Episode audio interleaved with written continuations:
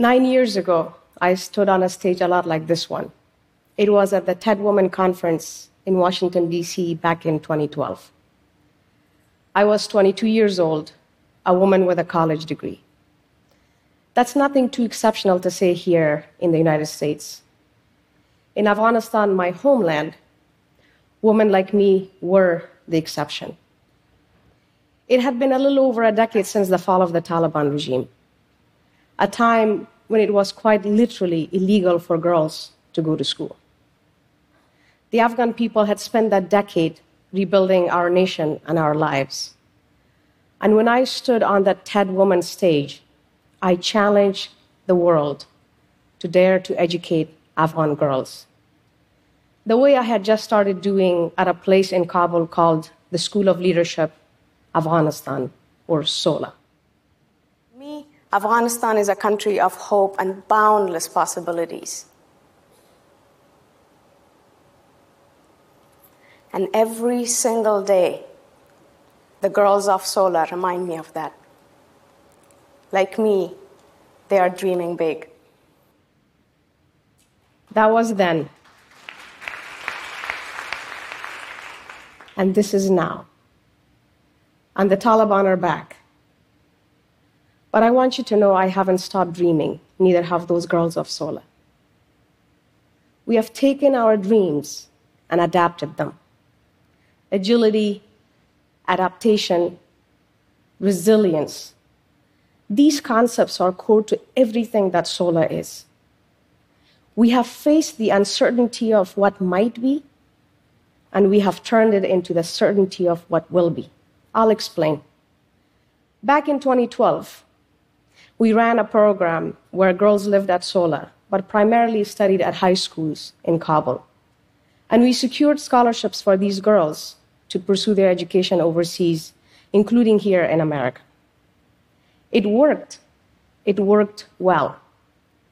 But I realized I was contributing to something I never wanted to see a brain drain of Afghanistan's educated women.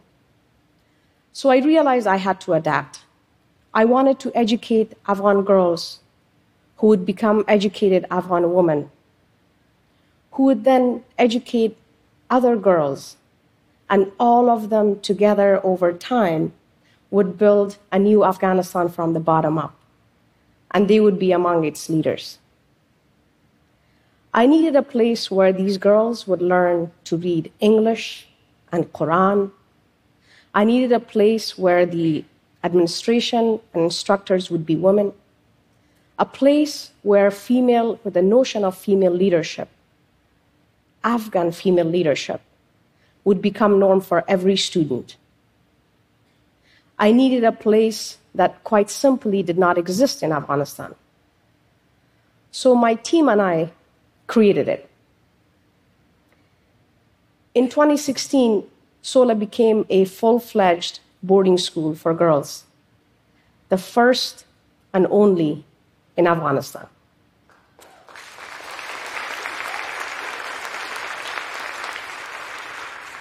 That year, we enrolled 24 girls in sixth grade.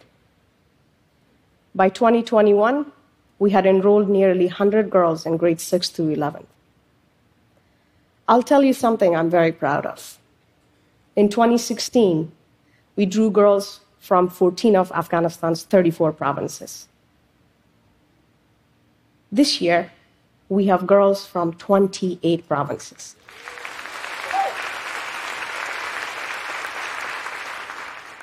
Imagine you're a girl from one of these provinces coming to Sola. You've probably never lived away from your family. As you can see, we have obscured their faces for their safety. But when you arrive on campus, an older sister will be there for you. She will be beside you as you pray in the campus mosque.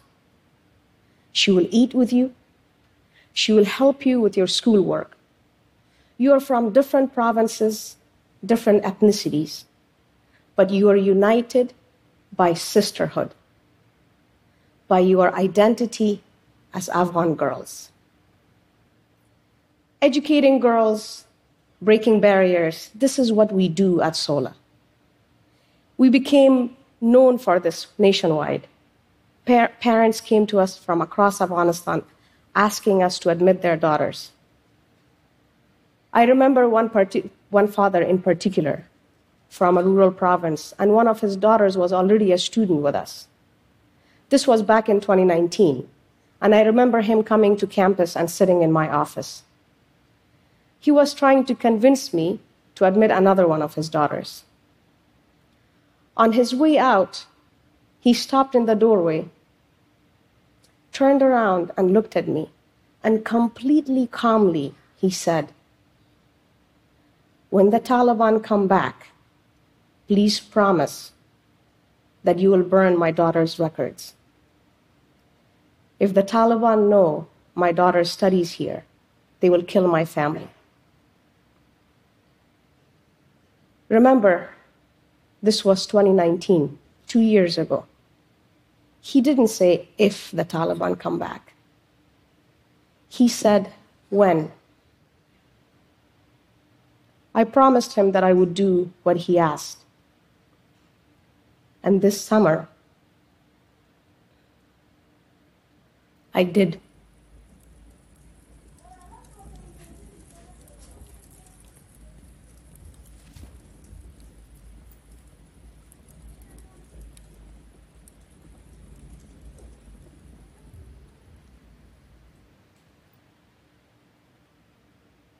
What you're seeing here are the records of my students burning.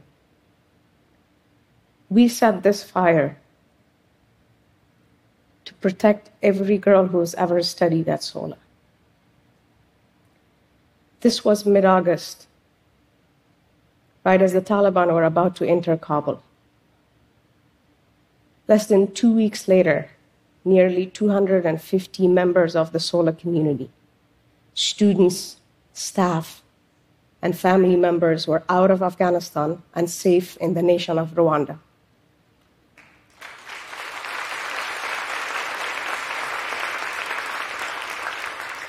I will say this again.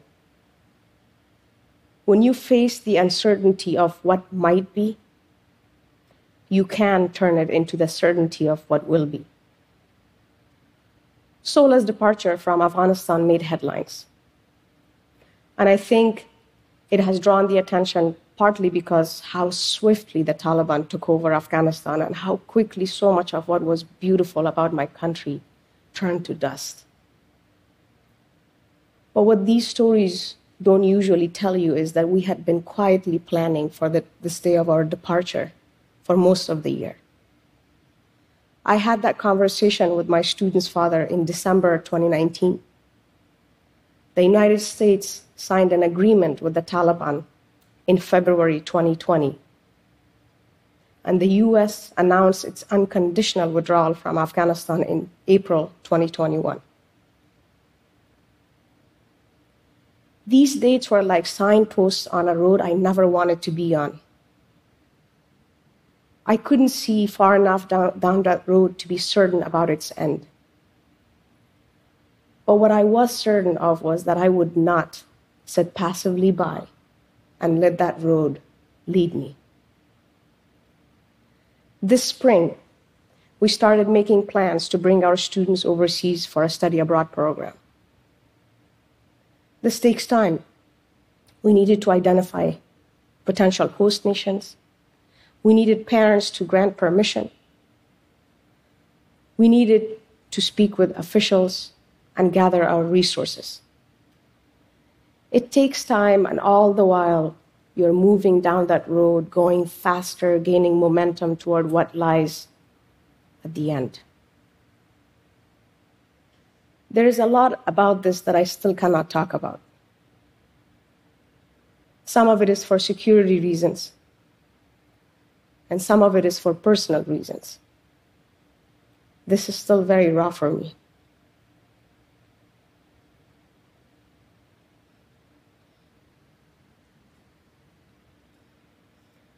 I never imagined Afghanistan would fall as fast as it did. No one imagined it. But I will tell you this on August 1st, we were bringing our students back to Kabul after their semester break.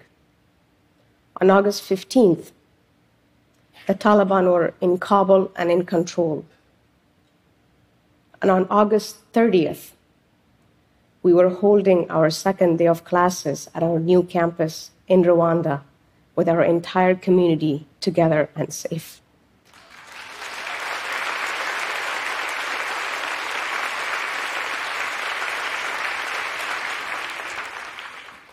That is how fast things can move.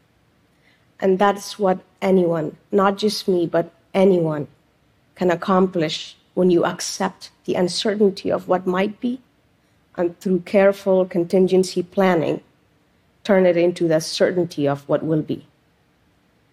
You will find yourself somewhere new and different, adapting and succeeding.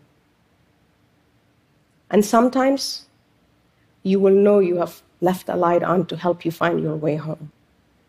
What you're seeing here is something that I very rarely show publicly. Earlier, I talked about SOLA's campus in Kabul.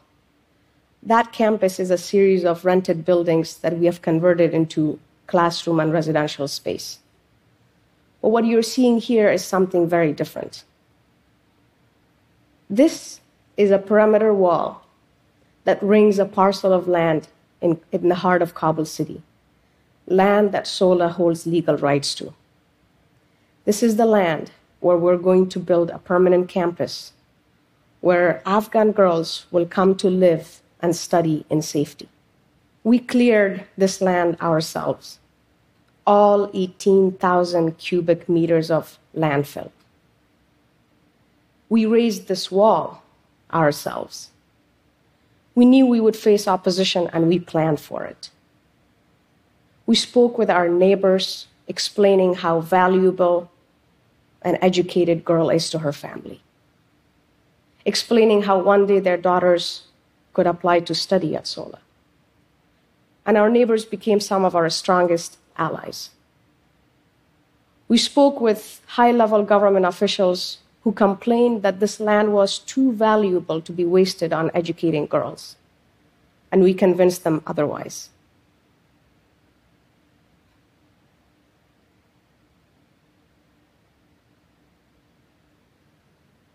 Those officials, of course, aren't in government anymore. Afghanistan has new leaders.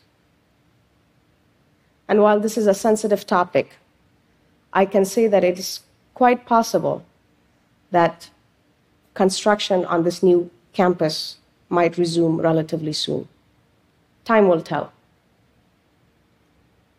Nine years ago, I stood on a TED Woman stage and I said, Afghanistan is a country of hope and boundless possibilities. And every single day, the girls of SOLA remind me of that. Like me, they're dreaming big. Earlier this year, I was on SOLA's campus in Kabul, interviewing a girl who was applying for sixth grade. I asked her why she wanted to come to SOLA, which is a question I ask all our applicants. She said, I have dreamed of this. I've dreamed of coming to SOLA ever since I was a little girl. In all these years that I have interviewed girls from across Afghanistan, this was the first time that a young girl said that to me. Why do I keep doing what I do despite the risk that comes with it and all the uncertainty? Because Afghanistan is a country of hope and dreams. It's my home. And it always will be. And now, out there in the most remote corners of Afghanistan are young girls dreaming to attend SOLA. My community, my students are settling and thriving in Rwanda, and I'm so grateful we're there. I see Afghanistan now through TV news reports or on my phone when friends are still in Afghanistan call me. But Sola is there too. We have planted roots that can never be destroyed.